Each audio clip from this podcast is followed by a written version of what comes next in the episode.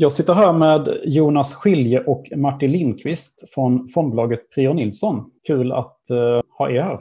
Kul att få vara med. Ni förvaltar ju en fond med fokus på uh, lite mindre bolag, på mikrobolag kan man säga. Och vi ska gå igenom några av aktierna i fonden som förmodligen inte så många har hört talas om. Mikrobolag eh, definierar vi då som eh, bolag med låg daglig omsättning eller ett lågt eh, börsvärde i förhållande till den aktuella marknaden. Och eh, det som är speciellt med mikrobolag är ju att det finns väldigt många av dem. Det är, det är liksom en lång svans av väldigt, väldigt små bolag och eh, väldigt varierat vad de är verksamma inom för, för branscher. Och ja, vi, när vi satte igång fonden så gjorde vi ett, ett omfattande screeningarbete där vi gick igenom eh, det här universet och i Europa vi brukar säga att det är ungefär 6 000 bolag totalt som man kan se som potentiella. Eh, eh, och det är en väldig massa olika bolag. Och det var när vi började sortera i de här som vi då hittade de enskilda, de enskilda bolagen och temana som, som vi sen då har investerat i. Okej, så ni har 6 000 bolag att välja på och hur många av de här bolagen har ni investerat i då till slut? Ja, det är 30, 30, mellan 30 och 40 eh, har vi legat på. Eh, mm. Sen, sen eh, kan jag säga att det, det, är inte så att vi tittar på djupet på alla 6 000 utan vi, har, vi, vi screenar ju då så att eh, universet som, som vi, vi faktiskt tittar lite djupare på, på bolagen eh, i det, det är nog kanske mellan 2 och Eh, 400 eh, bolag ungefär. Då. Eh, och inte ens där gör vi en djup analys på, på allt utan då, då först vill vi se att siffrorna ser väldigt eh, attraktiva ut. Eh, eftersom vi har så stort universum har vi också möjligheten att vara ganska kräsna i vad vi, vad vi plockar in i portföljen. Då, så att, men, men, men, men det är ungefär de, de volymerna av aktiecase som vi, som vi handskas med. Då. Mm. Men, om vi går tillbaka till de här temana då. Ni, ni landade ju ändå i, i tre teman om jag förstod rätt. Vilka, vilka är de? Ja, men ett, ett, ett tema är, är digitalisering till exempel. Mm. Och eh, det är vi ju inte ensamma om att, att investera mot. Det. Men det som gör det lite, lite mer intressant är ju att vi, eftersom vi investerar i mikrobolag så kan vi sällan gå på de här eh, Eh, stora eh, techbolagen eller sådär, utan vi måste hitta bolag som ligger i eh, undervegetationen som, är, som också är vinnare på det här men, men kanske inte alltid lika självklara eller, eller uppenbara eh, vinnare. vad är, max, vad är maxstorleken liksom där? Hur stort? Vad är market cap max? Vi, vi, vi, det, det, är lite, eftersom vi väljer, väljer ut, alltså det vi kallar för mikrobolag är egentligen en, en sammanvägning av att eh, det är ett litet bolag till, till market cap eh, och då någon, någon, någon riktlinje kanske är att det ska vara åtminstone mindre än 20 miljarder SEK. Men sen kan det också vara så att free floaten är, är låg så att eh, likviditeten är eh, kanske motsvarande ett, ett eh, bolag med ett börsvärde på eh, 3 miljarder säger vi, eh, eller någonstans i den storleken. Jag tror att vi har ett genomsnittligt börsvärde på bolagen runt eh, 5-6 miljarder eh, SEK eh, mm. i nuläget. Medan om vi tittar på en, en eh, svensk småbolagsfond så ligger den på kanske 22-23 miljarder SEK i, i genomsnitt. Då, så att vi är väsentligt lägre än, än, än det i alla fall. Men, men vi fokuserar egentligen inte bara på, på börs, börsvärdet utan det är andra kriterier som också spelar in i det här. Okej, så, så digitalisering är ett tema. Vad har ni mer för teman?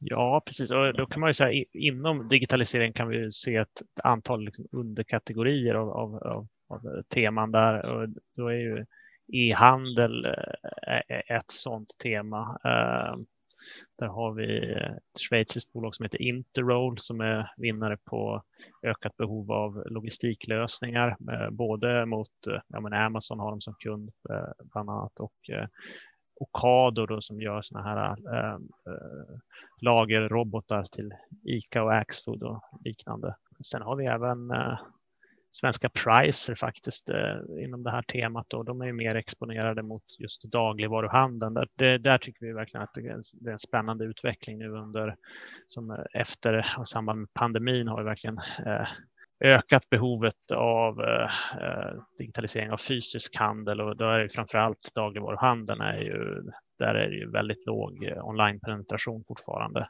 Men det växer ju kraftigt. Eh, det var ju kapacitetsbrist på många av de här leveranstjänsterna för, för, för, matvaror här under, under december. Nyheter om. Men ja, deras lösningar då mot e-signing och sånt är ju då en, en, en viktig komponent eh, tror vi då mot eh, ökad, ökad omnichannel eh, inom, inom dagligvaruhandeln. Sen har vi även ett schweiziskt bolag som heter Cardex som också gör lager och logistik. Så de, man kan säga att de här, alla de här vinnare lite mer indirekt på, på e-handel, men vi har inga rena e-handelsbolag utan tittar lite bredare på just det.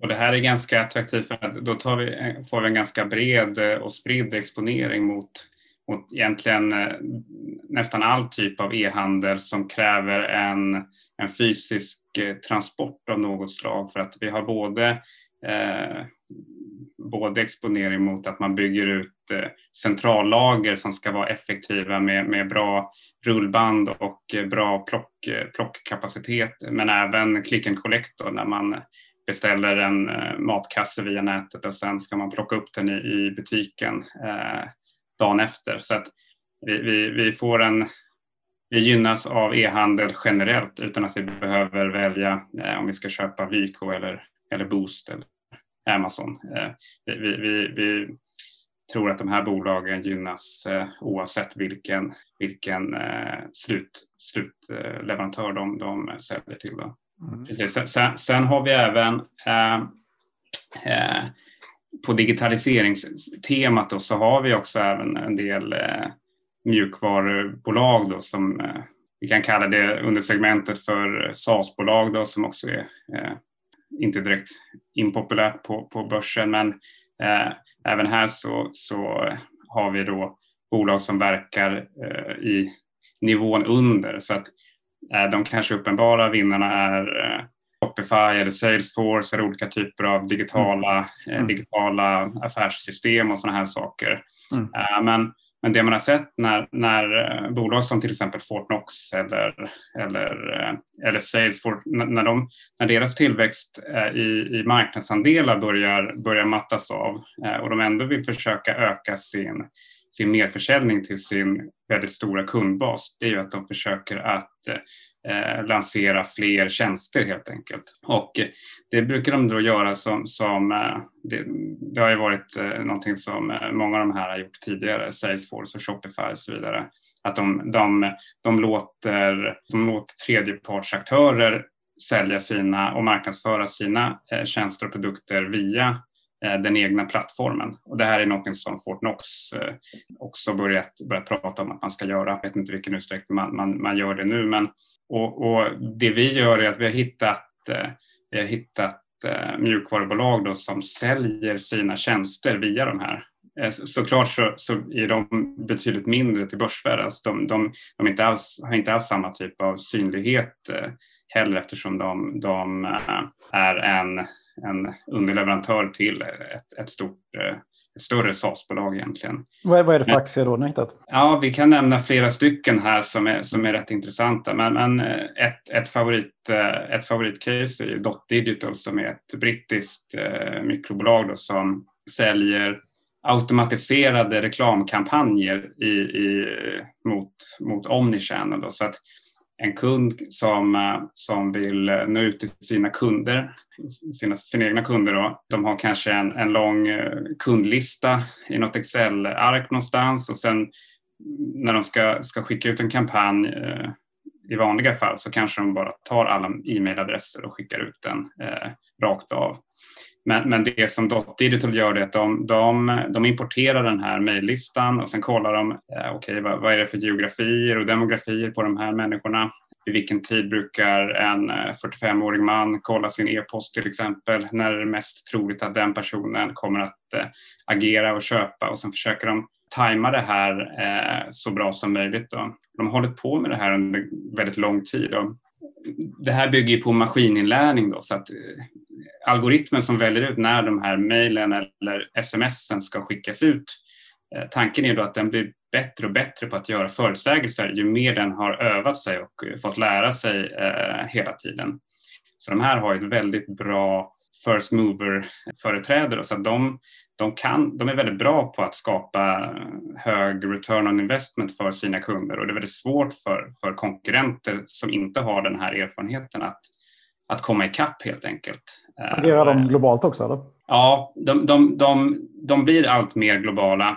Eh, än så länge så är en, en betydande andel av, av omsättningen kommer från, från Storbritannien. Men, men eh, de blir allt mer globala, de växer väldigt snabbt i, i Asien och eh, det, det, ja, de, de här växer eh, både sin, sin eh, omsättning kraftigt men också marginalerna är, är väldigt fina. Så de ligger på en ebit-marginal på Eh, mellan 35 och 40 procent.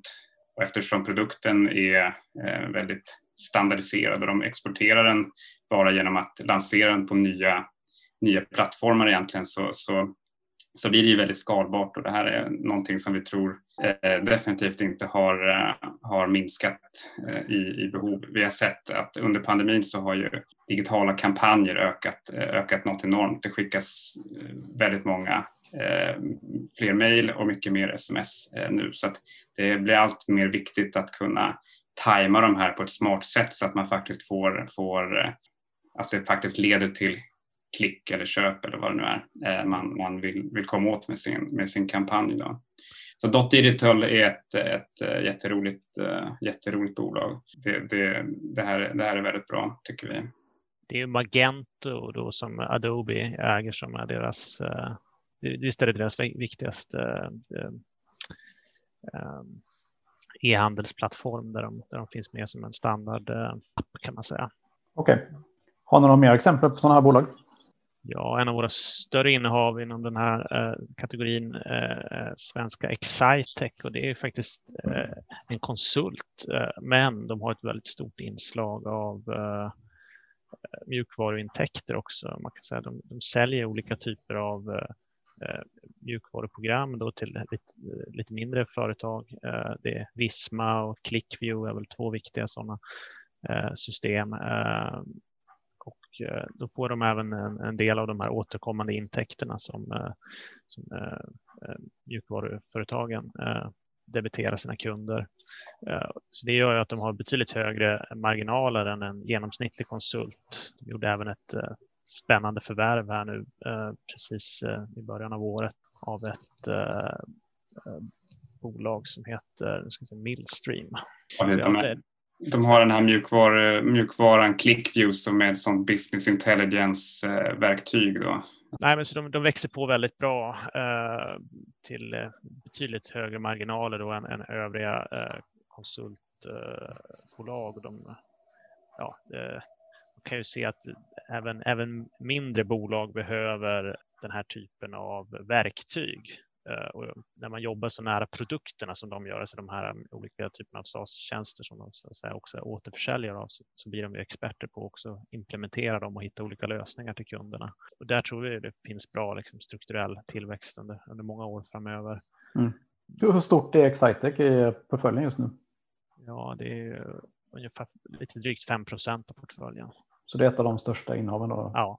Mm. mm. Och det där är ju, de är, jag tycker de är spännande också.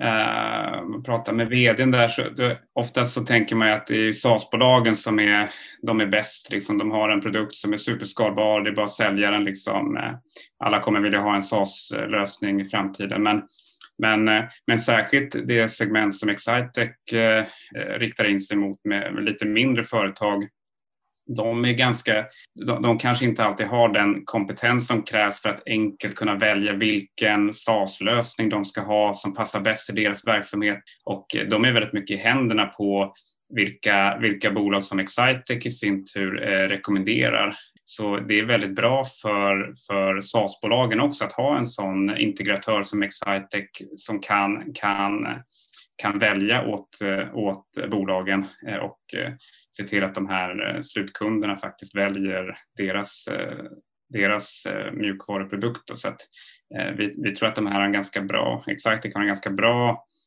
bra nisch och en bra en bra sits liksom, där, de, där de är eh, mitt emellan. Och de, kan, de kan både få konsultuppdragen och sen kan de dessutom så får de en, en, en ersättning på en andel av försäljnings, eh, försäljning av mjukvaran då, som de får, får behålla. Så det där är väldigt, det är väldigt trevligt. Eh, en väldigt trevlig mix av affärsmodeller där tycker vi.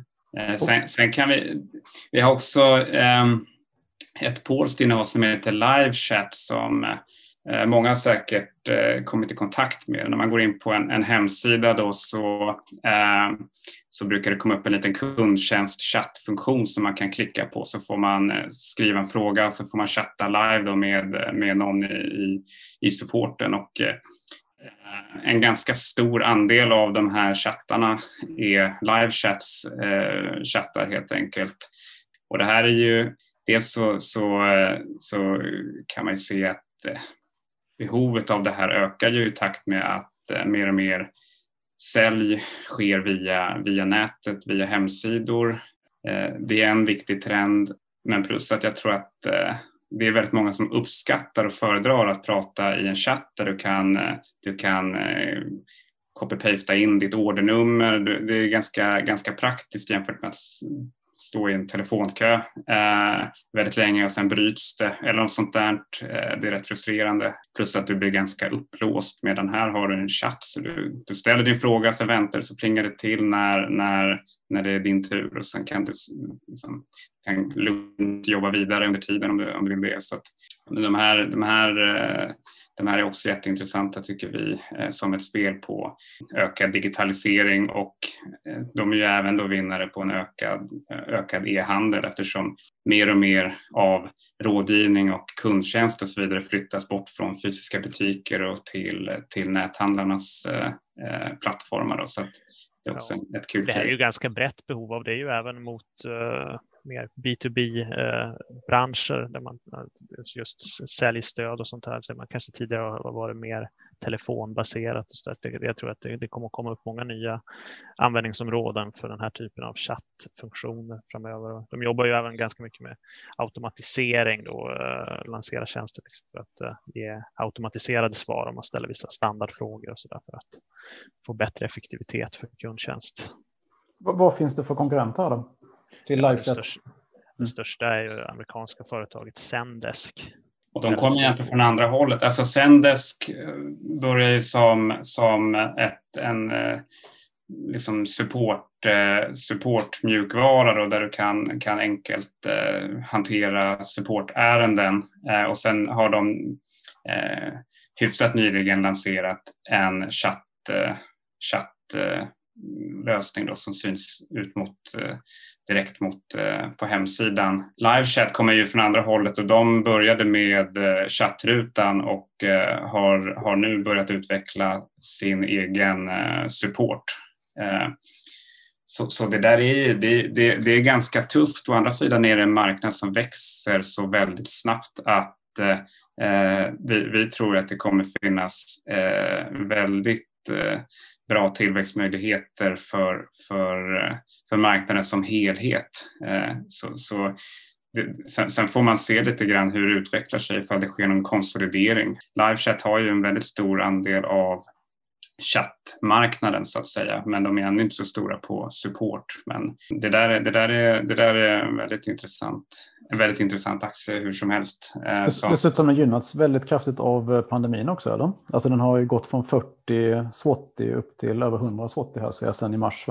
Det, det, ja, det, det, stämmer att eh, de har haft en, en stark ökning i, i, antal kunder. Men, men sen är det också så att de bytte, bytte nyligen affärsmodell. Då, så att innan så tog de betalt. Eh, en, de hade en eh, mer en fast kostnad där du ett företag kunde köpa så här, ja, men vi köper en, ett, en, sån här, en prenumeration och den, den berättigar oss till, säg att vi kan vara inloggade fyra eh, kundtjänstmedarbetare samtidigt. Eh, och, och, det, där, eh, det där var, det var inte ens branschstandard, det var en ganska, ganska bra lösning för kunderna för att då kunde de ju se till att aldrig eh, vara inloggade fler än eh, fyra. Då. De blev begränsade i sin användning medan eh, Eh, nu har man eh, tills nyligen gått över till eh, att alla nya kunder får istället betala per användare. Och det, det har ju drivit ökat deras försäljning väldigt mycket på alla nya kunder för de tjänar mycket. Jag tror att de tjänar ändå en 20 procent mer än något sånt där per ny kund jämfört med tidigare. Så att, eh, det är en kombination av ökad efterfrågan och eh, en, en, ett klokt val av, eh, av affärsmodell helt enkelt. Och den här nya affärsmodellen den, den, är, den är branschpraxis så att det är inte heller så att de, de jag tror inte att de riskerar att förlora några kunder på det här utan det, det är ganska kunderna är vana vid den här typen av, av prissättning då, så att eh, det, blir nog, det blir nog bra framöver också för dem på den fronten tror jag. Har ni något mer polskt innehåll? Nej, det har vi inte. Det är det enda. Mm. Men, men, men Polen är ju lite, det är lite kul. De har ändå ganska många mjukvarubolag som, som eh, för en svensk investerare ser väldigt eh, försiktigt värderade ut och sånt där trots, trots eh, fina, fina nyckeltal och sådär. Men, men, men eh, Livechat är vårt enda innehav i Polen eh, än så länge i alla fall. Ja, jag vet inte om vi ska prata fler eh, SaaS-bolag. Vi har ju Consolidator också som, som... Ja, men nämn eh, vad, vad är Consolidator för något? Ja, Martin, ska du dra det som, ja. som eh, gammal, gammal accounting-expert? Ja, precis. Jo, nej, men Consolidator är ett, ett danskt bolag som jobbar med de har en, en, en molntjänst för konsolidering och konsolidering är då ett steg man gör när man jobbar med koncernredovisning säga, det är ganska frånkopplat från övriga steg i, i eh, redovisningsprocessen. Eh, och eh, ja, det är ju det är då företagsgrupper som har ett antal dotterbolag som har behov av konsolidering. Eh, och eh, man kan säga den, den typen av den, den, delmarknaden de riktar in sig på som är små och medelstora företag. Eh, de sköter primärt det här genom Excel i dagsläget. Ehm, så, men då är ju det, den tjänsten som, som konsolidator erbjuder är väsentligt mycket mer robust. Ehm, det blir färre fel och ja, väsentlig tidsbesparing också då. Ehm, affärsmodellen påminner mycket om, om Fortnox, eh, så att man tar betalt eh, per, eh, per användare en, en månadsavgift. Och de ligger ju fortfarande i en ganska tidig kommersialiseringsfas, men eh, till skillnad från Fortnox så är ju det här en eh, mer global eh, marknad.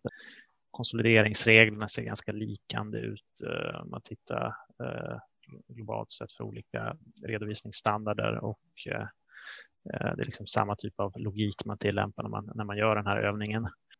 Så på det sättet har de ju en, en betydligt större adresserbar marknad rent geografiskt än vad Fortnox då har. Eh, de, eh, sen, samtidigt är det så att just om man tittar på den här redovisningen som den legala redovisningen kan säga som typ eh, Fortnox jobbar med, alltså där man tittar på en viss geografi, där, där är det ju svårare att skapa ett sånt här globalt eh, en sån här global lösning. Eh, för det är många olika specialregler i skatt och liknande i enskilda länder. Och så där. Men just konsolidering fungerar ändå som ett, det är ganska särs, särskilt från eh, övriga delar i, i eh, redovisningsprocessen på många företag. Hur är det med konsolidator just nu? Då? Hur ser deras marknadsandel ut? Ja, eh, det är ju, man ser, de har ju, de har ju vuxit på väldigt, väldigt bra marknadsandel. Jag vet inte där Jonas, det är nog svårt att prata om. Det är fortfarande så att deras, de, de slåss ju som sagt mot Excel så att deras... Mm. Eh, de... Ja, snarare prata om eh, penetrationsgraden och den är nog fortfarande väldigt tidig. Jag tror att de nämnde att det finns, om det var i Norden så finns det en konkurrent som, som gör en snarlik, har, har en snarlik tjänst men, men Eh, Eh, det, det, det, är som sagt det är mer konkurrens att konkurrera mot, mot Excel då, som är eh, praxis bland dem. Så kommer de upp i större företag så, så, har, eh, så, finns det, så finns det väldigt stora eh, leverantörer av den här typen av, eh, av eh, konsolideringsstöd. Eh, men men ja, det, är inte där de, de är uppe och konkurrerar heller. Då. Eh, så, så, så, det är också ganska intressant att det, det är en, eh, de är tidigt ute här och eh, det här är lite som, med, som, som vi tänker oss med, med om vi pratar om e-handel igen då att vi, vi tror ju att Eh, när människor har vant sig vid att handla eh, till exempel mat via, via nätet så tar det nog emot lite grann att gå tillbaka till att inte handla Eh, på nätet alls. Eh, man kanske drar ner på det när man kan röra sig som vanligt eh, igen i, och med pandemin men, men Eh, vi, vi, tror att det kommer finnas en del stickiness i, i det här nya eh, konsumentbeteendet. Och här med konsolidator tror vi definitivt att om du har börjat om, om du började din karriär med att göra den här konsolideringen i Excel och det blir lite fel och det blir lite, du måste, måste uppdatera den här mallen manuellt eh, eh varje gång du vill göra det här eh, och sen får du en, en snyggt, snyggt designad eh, liksom mjukvarulösning där du bara importerar en fil och trycker på en knapp och sen är det gjort och det blir perfekt eh, rapportformat och allting. Eh, då, då, då, tror jag att det är ganska få som känner så här, nah, det är, vi, kan, vi har inte råd att lägga eh, liksom, tusen kronor i månaden på det här längre. Vi får gå tillbaka till Excel. det, är ganska liten, det är en ganska liten kostnad för, för ett, eh, ett bolag som ändå eh, Ja, de, jag tror de pratar om att de riktar in sig på sådana som, vad var det de har, om de har eh, kanske eh, åtminstone... 50-50 dotterbolag? Eller ja, 50-50 dotterbolag. Eh, ja. Då är det ändå ett ganska liksom relativt sett stort företag och då är det här inte någon stor kostnad eh, egentligen. Så vi, vi, vi, vi tror att om folk bara börjar använda den här typen av, av lösningar så tror vi inte att de kommer gå tillbaka till Excel igen. Så det är, det är mer en fråga om penetration här än, än konkurrens egentligen. Så att folk måste veta att det här finns. Eh, de måste också nå ut till rätt personer på företagen mm. Eh, som, som sitter med det här rent eh, praktiskt eh, i, i vardagen när det är dags för, för bokslut och sånt där. Så att, eh, och gör, lyckas de bara med det så tror vi nog att det ganska, eh, kan gå väldigt bra för dem och eh, vi, vi, vi, ser att de, de rör sig i helt rätt riktning. Eh, så att, eh, det är ett väldigt spännande och, och eh, roligt case tycker vi. Det är väldigt blygsamt market cap i alla fall tycker jag för, för den potentialen som det låter som det skulle kunna ha. Ja visst, men de har fortfarande väldigt, eh, väldigt eh, låga intäkter det, just för de ligger så tidigt i uh, kommersialiseringsfasen. Det är ju, de har precis nu kommit igång med att börja sälja i Storbritannien och Sverige har de också kommit igång med här under hösten. Så det, de flesta av kunderna är ju i Danmark i dagsläget. Då.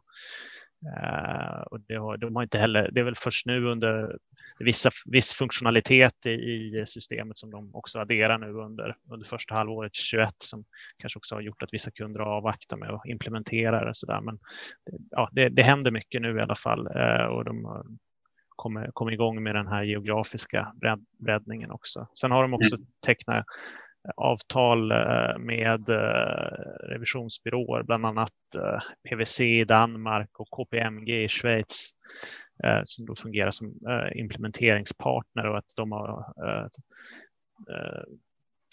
de, de kör då det här själva helt enkelt och sen hjälper de även kunder att implementera konsolidator.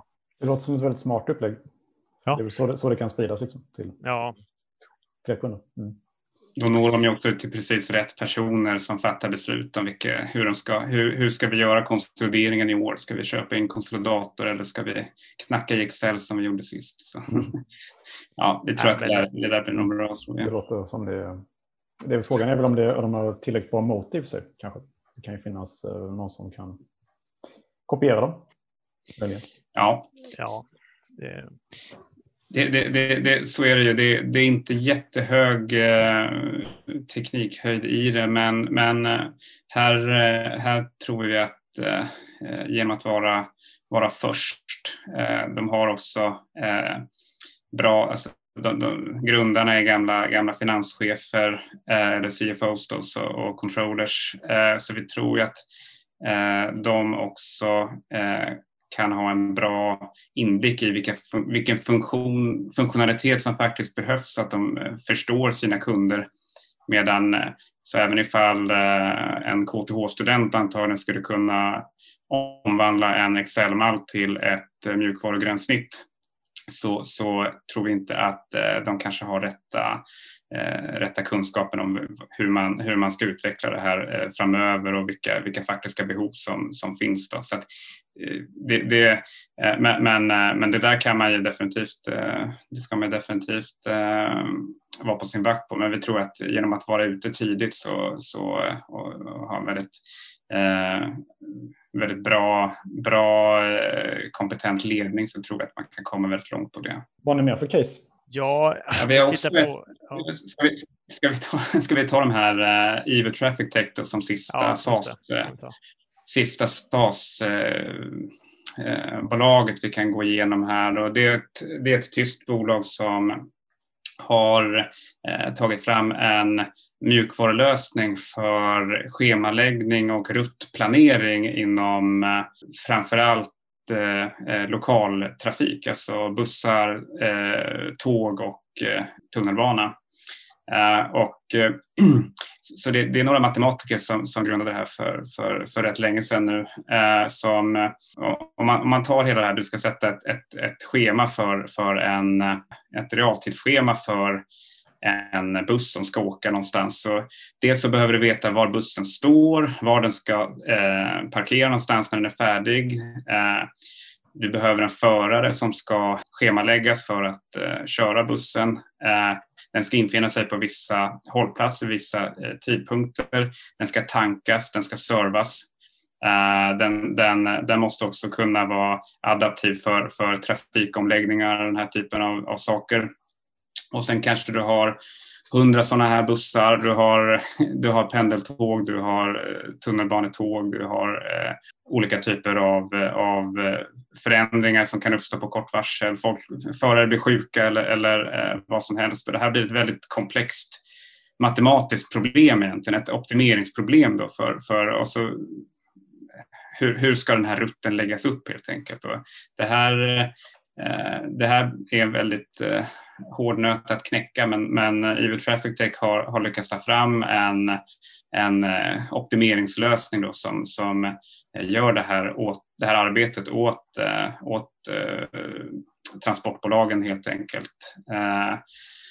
Eh, och eh, det, det, det, här har vuxit på ganska bra. Det innebär egentligen en, en, en eh, digitalisering av den här, den här planeringen och, och, och ruttläggningen som vuxit sig starkt, särskilt i, i Dachländerna, så Tyskland, Österrike, Schweiz.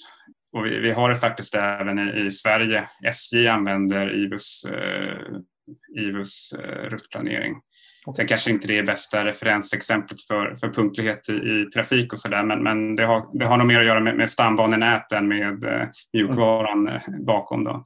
Eh, men, men, det som är också en intressant, eh, intressant eh, tillväxtdrivare här det är att vi, vi, vi ser också att eh, eh elbussar och eh, eh, eldrivna fordon kommer att, att öka i, i, i fordonsflottan eh, och eh, elbussar har en helt annan typ av laddningstid än vad eh, en tankning av en buss har. Och det här är någonting som ökar komplexiteten ytterligare och som kan få, få bägaren att tippa över för, för, för Eh, bolagen som, som inte använt någon typ av eh, effektiv mjukvaruuträkning eh, för den här, de här rutt, ruttläggningarna. Så att, eh, vi tror att det finns eh, väldigt mycket att göra för EU Traffic Tech eh, globalt sett eh, i världen eh, framöver. Så att det här är också ett, ett, roligt, ett roligt bolag att, att äga och att, att följa.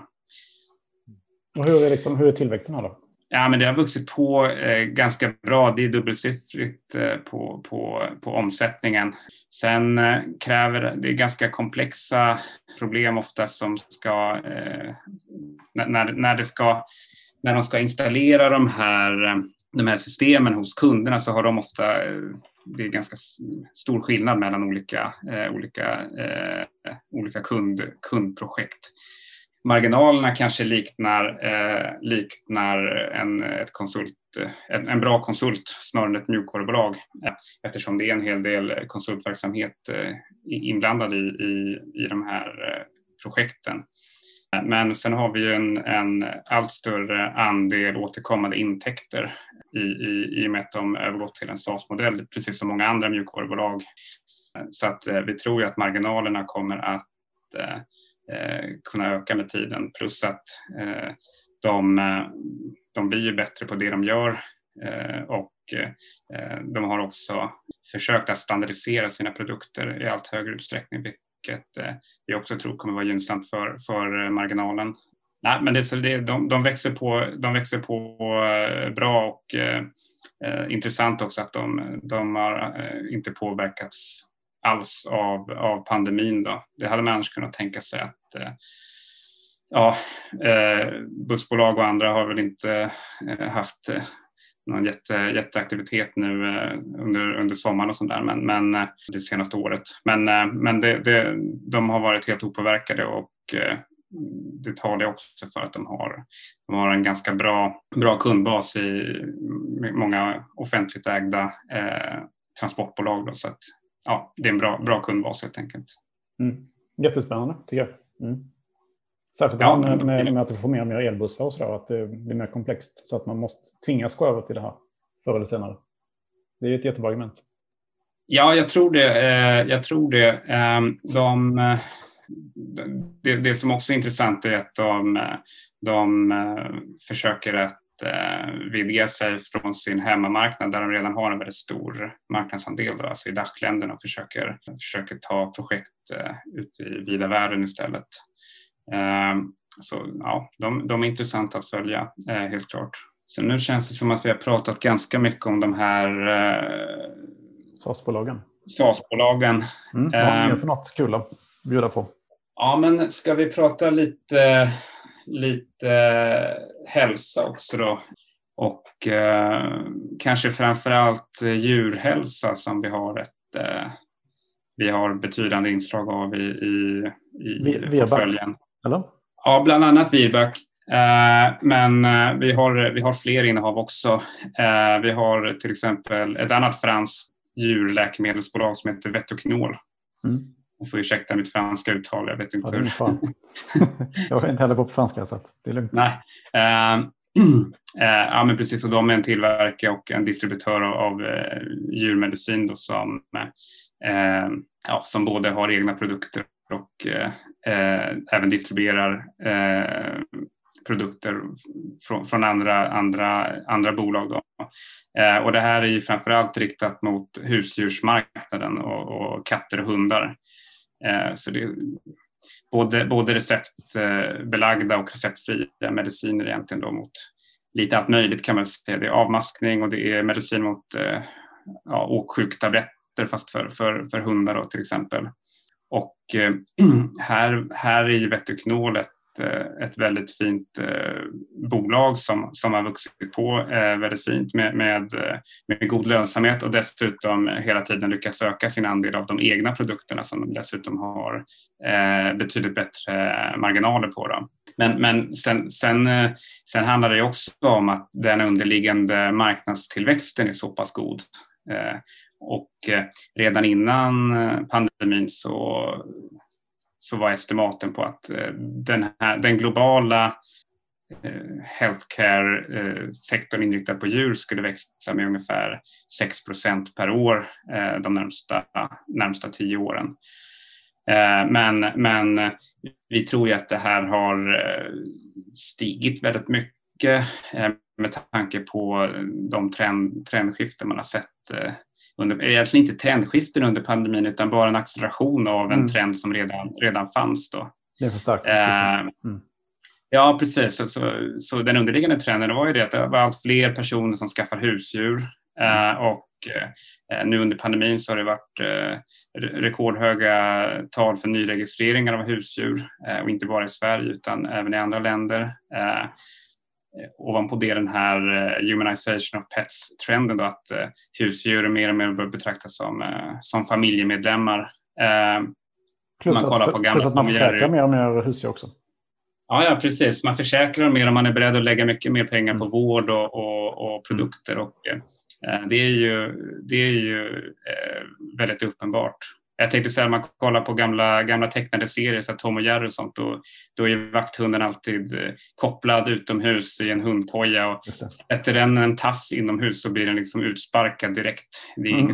Och spolar man fram till, till, eh, till 90-talet och kollar de här Beethoven-filmerna, då är det ju helt självklart att hunden är en, en, en mm. familjemedlem som man risk riskerar eh, liv och anseende för att eh, skydda och ta hand om. Som sover i vanliga sängen? Ja, ja precis. Mm.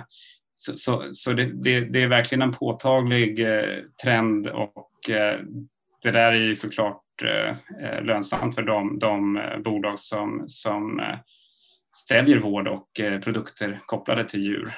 Så, så Vetuknol det är renodlat medicinbolag vi har ju också eh, ett brittiskt innehav som heter CVS Group eh, som är, ett, eh, det är en brittisk serieförvärvare då, som, som, som köper upp veterinärkliniker och eh, integrerar dem till en större, till en större enhet eh, och sen följer de upp sina, sina kliniker med eh, KPI och eh, eh ja, de har gjort ett jättebra jobb med att eh, dels integrera alla de här klinikerna som de har köpt upp och det är framförallt kliniker i, i Storbritannien. Då. Eh, eh, och, och sen lägger man ner även de som, som eh, eller säljer vidare sådana kliniker som de inte lyckas eh, få, någon, få någon lönsamhet i.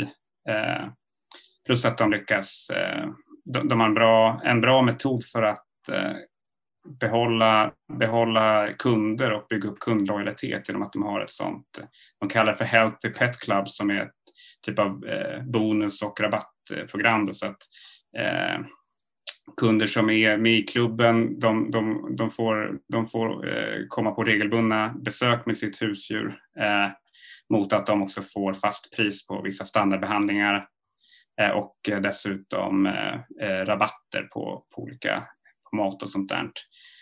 Eh, och, och, det, här är ju, det här är jättebra för att eh, dels så får de in de här, de här eh, återkommande eh, medlemsavgifterna. Eh, men dessutom så lyckas de ju upptäcka sjukdomar tidigare och det, det, är bra för, även för, för, för husdjursägaren. Då. sen har man även egna djursjukhus då, så att man, man Eh, man har dess, dessutom krematorium. Eh, så att man, man, så här, om man är väldigt cynisk kan man säga att de tjänar pengar på, på djuret hela, hela vägen in i, in i slutet. Då. Men, men, eh, och, och sen som du säger, då, så det är också allt fler av deras, eh, av deras eh, kunder som, som har tecknat försäkring. Då. Så de gynnas av den trenden också eftersom då, då har de råd med, med fler behandlingar hos, hos eh, veterinären helt enkelt Det är ju även förväntningar om att eh, EQT ska notera eh, IVC Evidensia då, som är, är Europas största bolag inom veterinärsegmentet eh, här under året i, i Storbritannien också. Så kanske de får en större noterad peer. Eh, kan vara intressant för, för aktien också. Ja, men ja. Det, hur, hur är värderingen då på de här, de här franska djurhälsobolagen om man jämför med internationellt? Ja, alltså eh, så här. Internationellt har vi väl inte tittat, eh, tittar vi inte alltid eh, så noga på, men, men framför allt jämfört med, med svenska bolag så, mm. så är ju generellt kan man väl säga det att det är väldigt, väldigt mycket billigare ute i Europa mm. att, att köpa, köpa aktier. Och det är ingen slump att eh, danska och norska bolag letar sig till Sverige för att eh, sälja sina, sina aktier. Så att, eh, vi tror ju att, eh, eh, eller vi tycker att det är ganska outforskat, det europeiska universet. För det finns väldigt mycket bra, eh, bra aktier här som man som svensk investerare inte riktigt man tror nästan att det är något fel på bolaget eftersom de värderas så lågt men, men, men ofta så är det ju att det är dålig, dålig eh, analytikertäckning och eh, låg likviditet.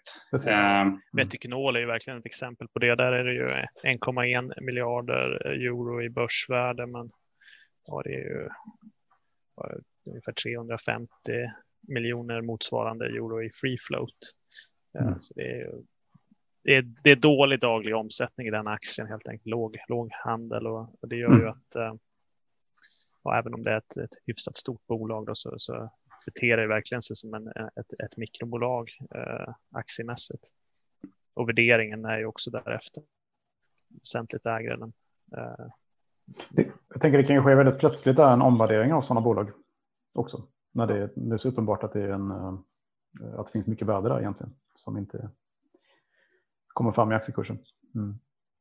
Jo, men det, det, det, stämmer och just Vetoknol, eh, jag tror att det var efter sommaren som man kunde se en ganska tydlig multipelexpansion egentligen, så att fler upptäckte den här och, och tron på, på djurhälsa som, som eh, tillväxtområde eh, verkligen eh, eh, ökade. Då, så att vi, vi eh, Vetoknol är väl inte eh, den är inte som hittad längre, eh, men, men jämfört med, eh, med eh, svenska peers så jag tycker jag att det är ganska, det är ganska, ganska billigt fortfarande, säkert givet, givet tillväxten. Eh, de, de, de här växer ju eh, med 15-20 procent i omsättning per år ungefär. Så att vi, mm vi tycker inte att det här är något det, det, är fortfarande inte, det går att räkna på det, som jag brukar säga. Mm. Uh, mm. Vad har ni mer för tema då? Uh, ja, ska vi, vi kan gå in, vi har ju också vi har fler case inom, inom, eh, inom hälsa sådär, men, men djurhälsa tycker vi är särskilt, särskilt eh, intressant som, som, som temasätt. Eh, hälsa är ju, är ju är ju intressant på så vis att eh, det, det, finns en underliggande trend i att vi lever allt längre och eh, det gör att vi blir allt sjukare och eh, det kommer eh, det, det, finns mycket att göra för, för världshälsan eh, även fortsatt. Eh, och där, där, försöker vi ju hitta case som riktar in sig mot ja, det är bra, bra, bra, bolag med, med exponeringar mot eh, tillväxtområden inom, inom, inom hälsa helt enkelt. Eh, är det där ni har Ekerton Ziegler då till exempel? Ja, det stämmer. Ekerton Ziegler och eh, det, det, är ju eh, det är ett tyskt bolag. De är, de är experter på att framställa isotoper, alltså eh, radioaktiva substanser som, som kan användas i, i bland annat cancer, cancerbehandlingar. Och det är ju ett, eh, en behandlingsmetod som, som det forskas eh, väldigt mycket på. Det är många, många läkemedelsbolag som försöker få fram godkännande för, för behandlingar. Eh, men det som är gemensamt för dem är att de behöver de här radioaktiva eh, substanserna för att eh, helt enkelt kunna använda, de använder strålningen för att ta död på, på cancerceller i kroppen. Och eh, där är, där är Ekrumsygler eh, världsledande eh, inom framställning av sådana isotoper. Så de här gynnas ju verkligen av att fler, fler behandlingar av den här typen får godkännande i, i världen och i, i nya geografier helt enkelt. Är det inte eh. särskilt prostatacancer som kan bli den jättestora tillväxtnischen här? För att det, det ska vara så otroligt eh, kostnadseffektivt och eh, i princip inte ge några biverkningar heller om man använder strålning då istället. Ja, alltså det där det, det blir genast svårt när man, när man Eh, när man pratar om eh, för, för, mycket i detalj på de här grejerna. Alltså det vi vet är att eh, Ekerton Ziegler har länge varit, eh, varit eh, starka inom just prostatacancer.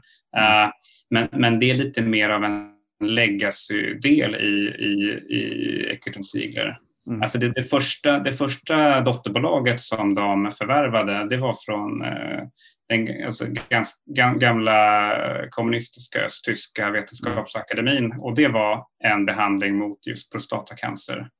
Jag får ursäkta eh, känsliga lyssnare. Och det, det, du helt enkelt stoppar in en, en, en typ av eh, radioaktiv boll i, i testiklarna som, som du förvarar där som eh, ständigt strålar ut eh, en radioaktiv våg då som tar död på, mm.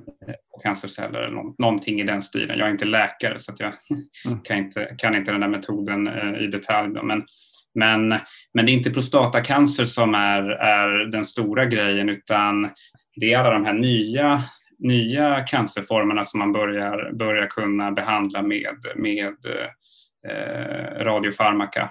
Och det är cancer i njuren, i levern. Eh, jag minns inte om det, det är ytterligare områden som, som just eh, än de som Eckerton Ziegler är, är, är inriktade mot. Men, men, Ögoncancer också ska ju vara typ det enda ja. effektiva metoden. Jo, precis. Men, men samtidigt, det, ögon, ögoncancer och eh, prostatacancer är inte, är inte så... Framförallt inte ögoncancer, det är inte en jättevanlig cancerform. Eh, och, eh, sen, sen, är det så att de här, de här metoderna är ganska, ganska dyra att använda eh, fortfarande. Och, eh, Eh, så du använder dem ofta som en, en eh, en sista utväg om, om patienten eh, inte, inte reagerar väl på, på andra behandlingar. Så att det, det är lite, det, det, är lite, det är lite komplext det här men, men, men det som är positivt är att de har, i princip har världsmonopol på eh, den här typen av isotoper. Eh, och, ja, den, den, den är ju, det är ju en, det, det är verkligen ett eh, en bra mix av att de redan har en, en, en stadig, stadig kundbas och levererar, levererar redan idag till de här mer legacy-delarna av, av eh, produktportföljen. Men, men dessutom väldigt, eh, väldigt stark eh, liksom tillväxtpotential i, i de här nya behandlingarna som, som, som vi hoppas kan vinna godkännanden. Då. Och, och sen, eh, de, står också in, de har precis inlett en, en, en expansion in i Kina då, som vi också tror är väldigt, eh, väldigt intressant där, där det är ett, eh, ett, ett joint venture då som, som de har tillsammans med ett, ett läkemedelsbolag som försöker lansera en av de här behandlingarna fast i Kina då, där, där det, är så här, det är ett kinesiskt bolag som har köpt upp ett europeiskt bolag som, som eh, säljer den här behandlingen och eh, då, då är Kurtum Ziegler leverantör av, av isotoperna till det.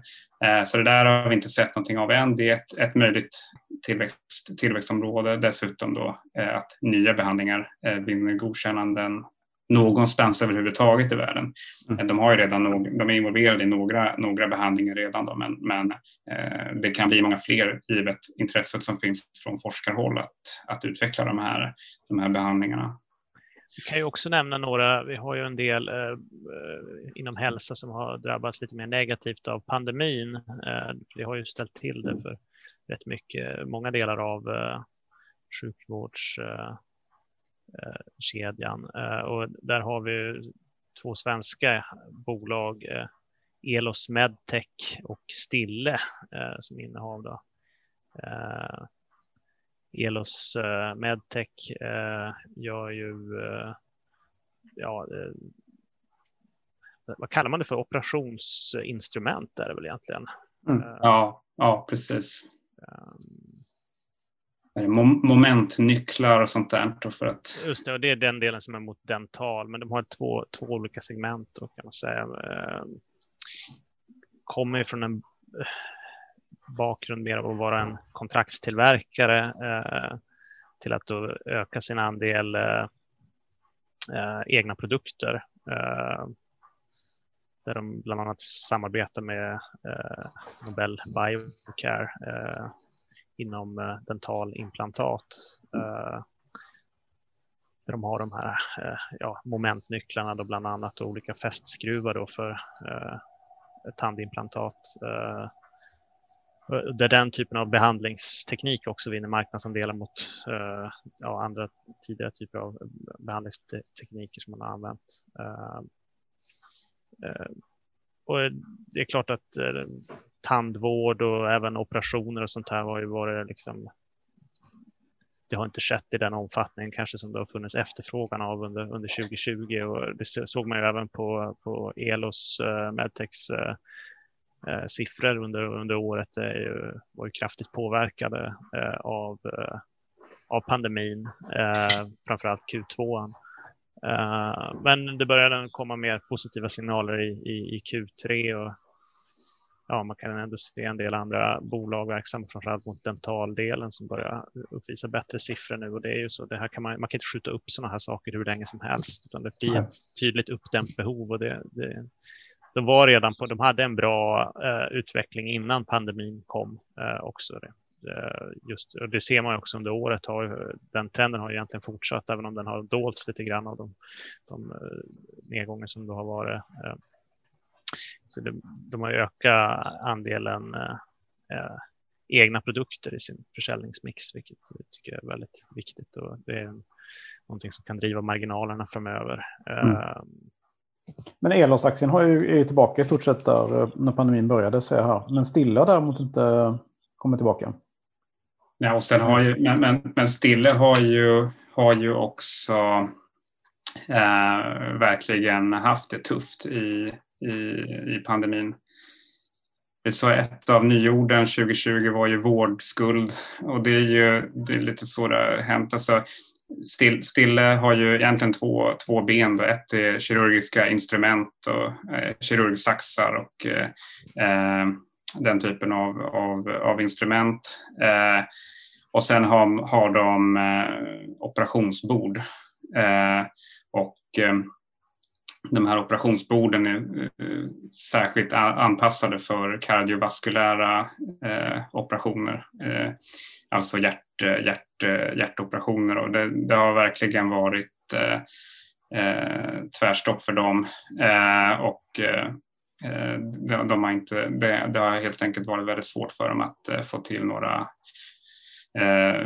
några cellnivåer i linje med, med tidigare år. Så att, eh, och det, lite som med el, så att still, Stille var, det, var för, det gick väldigt bra för dem eh, strax innan pandemin. Då. Sen eh, har det verkligen varit eh, en, en tvärnit när, när vården har omprioriterats eh, under pandemin. Då. Och dessutom har de haft eh, svårt längre. Eh, och eh, eh, egentligen inte pratat om någon ljusning förrän, förrän, eh, förrän nu, nu i Q3-rapporten egentligen, där det börjar se lite bättre ut. Eh, så att de, de har ju en, en, en, resa kvar samtidigt som vi tror att eh, det just finns den här vårdskulden och en, en, eh, ett uppdämt behov som, som gör att det verkligen kan, kan börja, börja, börja återgå till, till, till det normala för Stille och att de, de faktiskt kan, kan, kan återhämta mycket av det tapp de har haft under 2020. De verkar ha en väldigt bra eh, produkt, de här, de här operationsborden. De har ju sålt väldigt bra. Det finns många fördelar med dem. Eh, de har en särskild form som gör att du snabbare och enklare kan, kan justera patienten för att få bra röntgenbilder till exempel. Eh, och det gör att du får får kortare operationstider. Eh, och om du har en lång, eh, lång eh, operationskö så känns det väldigt attraktivt för, för, för sjukhusen att kunna beta av den snabbare. Men, men, men, men det återstår ju att se lite grann hur, hur, hur det spelar ut nu. Men, men vi tror ju att det värsta är över för Still och att det finns en, det börjar, det, resan tillbaka har börjat så att säga. Mm, intressant. Mm. Yes, för det är väl egentligen våra case inom, inom hälsa eh, mm. och djurhälsa. Då. Mm. Eh, vi kan ju gå in på det tredje temat som är eh, elektrifiering eh, och, och eh, vad, det finns för, vad det finns för intressanta innehav där. Då. Eh, mm. Och då blir det genast eh, lite mer high-tech eh, high tech, grejer förstås. vi kan ju börja prata om ett fint schweiziskt innehav som heter Lem Holding. Mm.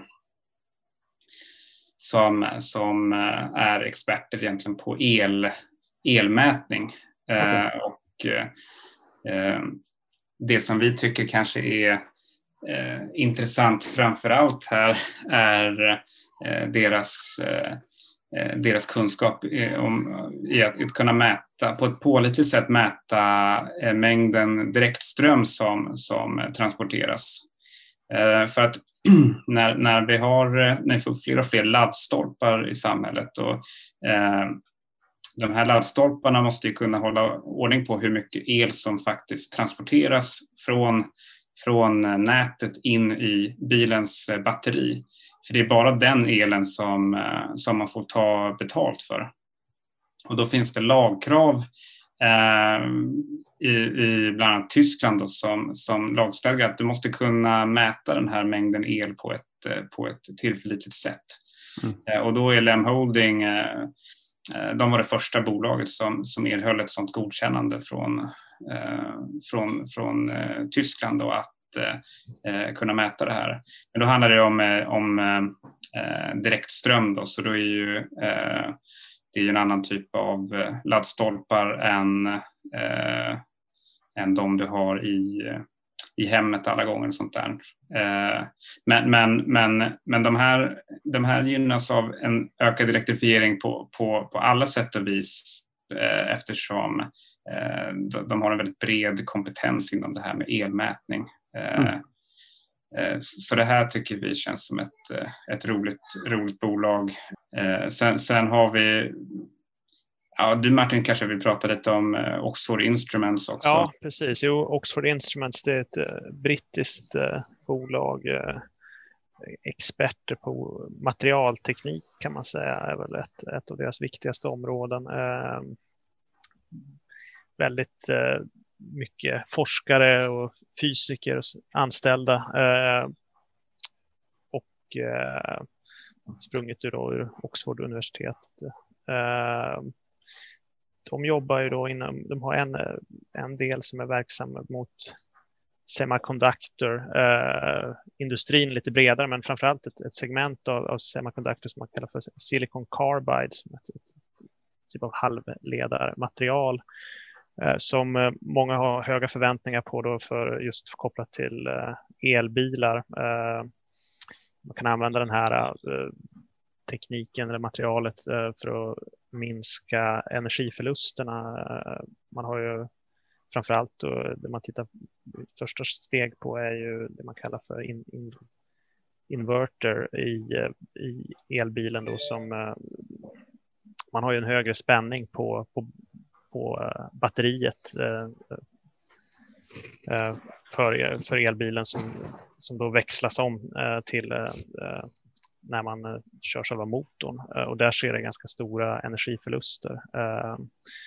Och där ser man ju då att det här övergången till den här typen av halvledare som är silicon carbide baserade då kan spara väsentligt. Jag tror man pratar om 30 till 40 procents besparing just inom den delen, eh, om jag minns, rätt. Mm. Eh, och eh, ja, det är då såklart någonting som skulle kunna leda till att man kan eh, få längre räckvidd på en elbil utan att man behöver öka storleken på batterierna. Eh, Um, Låter väldigt attraktivt. Mm. Ja, men det har även andra. Det kan även användas inom laddstolpar och andra sådana. Det, det, är någonting som har varit väldigt dyrt och komplicerat att tillverka eh, historiskt. Då. Eh, men eh, ja, eh, Oxford Instruments gör ju olika typer av eh, instrument till det här. Då. Eh, sen sker mycket av tillverkningen sker ju i Kina, men eh, de gynnas ju av att det forskas mer på det här området. Eh, det är väl generellt liksom, olika typer av nya material eh, som um, kunskap och materialteknik blir ju eh, viktigare när, man, när det blir i och med elektrifieringen. De har en, en annan del också som tittar på orenheter i, i batterier eh, eller batterimaterial. Eh, en, en, typ av eh, skanner som kan se om det är kopparföroreningar exempelvis i. Ja, så de gynnas, man kan säga de gynnas i alla fall av, av ökad andel försäljning av elbilar. Ni vad har ni mer på temat?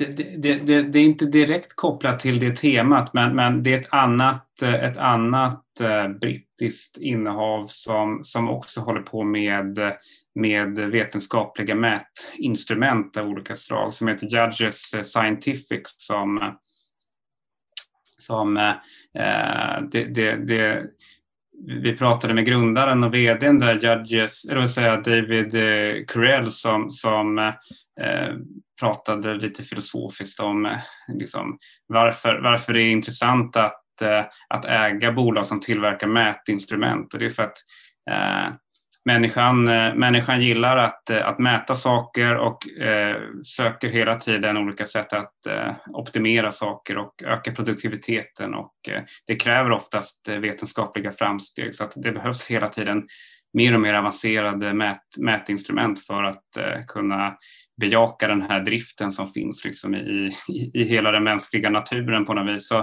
eh, det, det, det, är ju det, det, är också en, en, Eh, en trend som är egentligen kanske för det, det, det, är liksom ovanför eh, en megatrend i magnitud. Det är liksom någonting som är helt eh, nästan biologiskt nedärvt hos, hos mänskliga samhällen att, att utvecklas på olika sätt. Så, så och det, den trenden är också någonting som, som eh, gynnar bolag som Oxford Instruments eller de här Judges Scientific då, som, som också är ett innehav i, i, i portföljen. Jag kan prata lite om dem också. De är ganska, de är ganska, ganska intressanta. Så, eh, de, de, det de gör är att eh, de, eh, det är, det är också ett, ett, ett investmentbolag kan man säga som, som investerar i, i väldigt små eh, forskningsbolag egentligen som eh, oftast har kanske en innovation eller en produkt som de har tagit fram som, eh, som de har eh, monopol på egentligen. Eh, och eh, det är oftast då en entreprenör, en grundare som kanske tillsammans med, med en partner har, har byggt upp det här och haft det under kanske 10-20 år eller något sånt där. Eh, och sen vill de gå i pension eller de vill eh, syssla med någonting annat.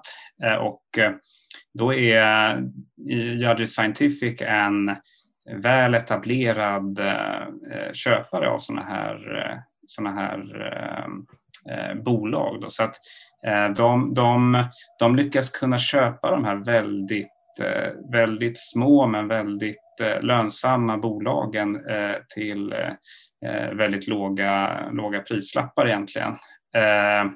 Och de här bolagen har väldigt, eh, väldigt trygga kassaflöden och de har eh, väldigt starka eh, positioner på, på, på marknaden. Så det, det, det, är sällan det är så att det är några, det är inga tillväxtcase sådär, men, men, men väldigt men väldigt, väldigt trygga, trygga positioner inom, inom, inom nischen. Då. Så att, och, och... Jag nämna också att både Judges och eh, Oxford eh, Instruments har eh, hög andel av sin försäljning mot universitet och forskningsändamål, vilket ger en stabilitet i intjäningen och kanske också det är också en signal någonstans på att många av de här områdena de, där de säljer sina mätinstrument, det, det ligger ganska tidigt, tidigt stadie. Till exempel det här med Silicon Carbide och som, som liksom Oxford Eh, Instruments håller på med. Det, det har de hållit på med sedan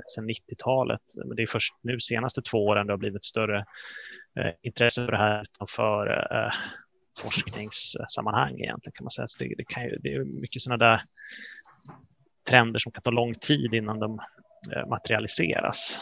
Kul att ni kollar på lite mer udda bolag också tycker jag. Ja, vi hoppas att de inte är udda för alla så länge till. Vi, kan, jag tror Nej. att det är fler. Alltså nu, det, det börjar bli ganska ganska höga värderingar på, på svenska småbolag. Det är ju verkligen eh, någonting som eh, folk, eh, folk gillar och folk letar efter. Och om vi kollar eh, svenska småbolagsfonder så är det väldigt hög överlappning eh, bland, bland de, de innehaven där. Så att, eh, vi tror och hoppas att fler kommer leta sig ut i Europa och tycka att det finns, finns bra bra jaktmarker där också så att säga. Det borde ju rimligen vara så att, att man, eh, att man kollar när man tycker värderingen är för höga här. Liksom. Så borde sippa ut del pengar till den, de andra marknaderna också. Ja, vi, vi, har inte sett eh, någon... Vi, startade, vi började ju processen med att ta fram fonden redan 2019, sommaren 2019. Men, men eh, jag tror inte att det är några andra europeiska småbolagsfonder som har kommit ut? Eller vet, har du släppt någon Martin? Nej, så mikrobolagsinriktning. Nej, jag vet inte. Det är möjligt. Alltså det, det kan ju finnas några i Alltså inte, inte svenska, nej, nej, nej. svenska fondbolag, men det kan ju finnas något, något uh, europeiskt fondbolag säkert som har startat någon, uh, med, med, den inriktningen. Men... Fondita har en, en europeisk mikrobolagsfond. Mm. Det är nog den, den enda jag kan komma på som är ja. Något som är lite intressant som uh, kommer att påverka er på längre sikt i alla fall, det är ju att uh, tyskarna har börjat bli mer intresserade av aktier. Jag såg att öppnades, att 1,5 miljoner tyskar öppnade ju uh, aktiedepå här under förra året. Och det är ju jätterekord. Då, liksom. Mm. Normalt sett har det liksom varit 4 procent av tyskarna ägt aktier direkt. Men, men det verkar som att det kommer öka ganska mycket. Men jag tycker jag har märkt att ett bolag som Eckert Ziegler har blivit mer det är mycket mer eh, köptryck nu. Eh, alltså, även när det inte är några nyheter. Så det är ganska många som går in och liksom, eh, buy the dip på, på Ekerton Sigler, eh, tycker jag att jag har märkt. Eh, så, så, det där är ju, det, det, är också, det kan man ju säga, det är också en stor pågående trend att eh, courtagen sänks och eh, det blir allt lättare och lättare att köpa, köpa aktier och det borde ju gynna eh, om vi tar typ eh, den polska aktiemarknaden också där du, du får ett eh, SAS-bolag som växer, eh, växer omsättningen med, med liksom, mer än 20 procent för P 30 i Polen. Det skulle ju liksom det, det, det skulle ju vara P 60 i, i Sverige. Mm. Och om, om det var liksom väldigt, om det inte fanns några transaktionshinder från att handla polska aktier lika enkelt som svenska aktier så tror inte jag att det skulle vara någon värderingsskillnad mellan, mellan klart att värderingarna i Sverige skulle kanske i genomsnitt sjunka då, men, men i samma utsträckning stiga i andra europeiska länder om, mm. om det gick att handla eh, enkelt. Men eh, ja, det, det, finns fortfarande en del en del eh, hinder kvar för, för, för den där resan eh, kan man säga. Men det kommer. Alltså jag tycker jag hör samma trend i eh, alltså hela världen så att säga. Att det, mm. att det blir superenkelt att handla och ja, men allt från Ryssland till Chile liksom. Att det, att det kommer typ motsvarande Avanza-appar liksom. Ja. som gör det lätt för småsparare att komma in i aktiemarknaden. Ja, och Sverige är ofta ganska tidiga i många av de här mm trenderna. Det är det vi lite grann hoppas med, med Pricer också att eh, här är det ju, i, i Sverige är det nästan eh, liksom, en hygienfaktor att du har elektriska eh, etiketter. Eh, mm. Men, men den globala penetrationen för elektriska eh, etiketter är bara 5 procent. Mm. Men, så man, man, blir lite hemmablind ibland och utgår från att det här borde vara jätteenkelt. Att, eller. Har ni inte det i Frankrike ens liksom, eller i Tyskland? Det, om, om, om Sverige är någon typ av föregångsland eh, inom digitalisering i alla fall, det tror jag. Eh, så att, ja, det, tror jag. Eh, det, det, är nog, det är nog bra att investera i svenska bolag också för de, de kan träna sig på den svenska hemmamarknaden och lära sig vad som fungerar mm. i ganska bra, bra miljö och sen, sen kan de rulla ut det globalt. Precis. Ja, men tusen tack för att ni ställde upp. Ja, men detsamma. detsamma. Ha en fin dag. Detsamma. Ha det bra. Hej. Hej.